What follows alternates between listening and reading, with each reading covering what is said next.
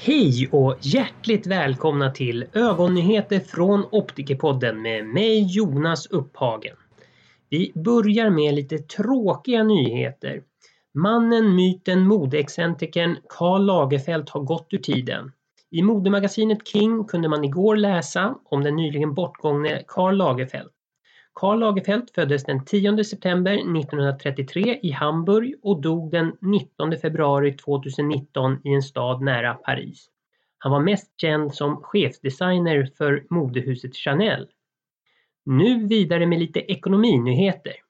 Investor är på väg att sälja ögonlaserbolaget Memira efter att haft bolaget i sin portfölj mer än 10 år. Det skriver Dagens Industri i nätupplagan. Enligt DIs källor har Investor anlitat investmentbanken Lincoln International efter att ha fått förslag från intresserade köpare. Aktuella köpare är både riskkapitalbolag och branschspelare.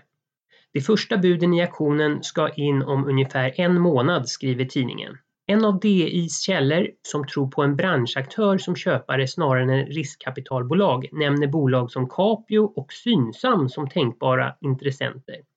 Det var allt från dagens ögonnyheter från Optikerpodden och kom ihåg att dessa nyheter kan ni även finna på Optikerförbundets Facebook-sida om ni föredrar att läsa dem istället. Vi hörs!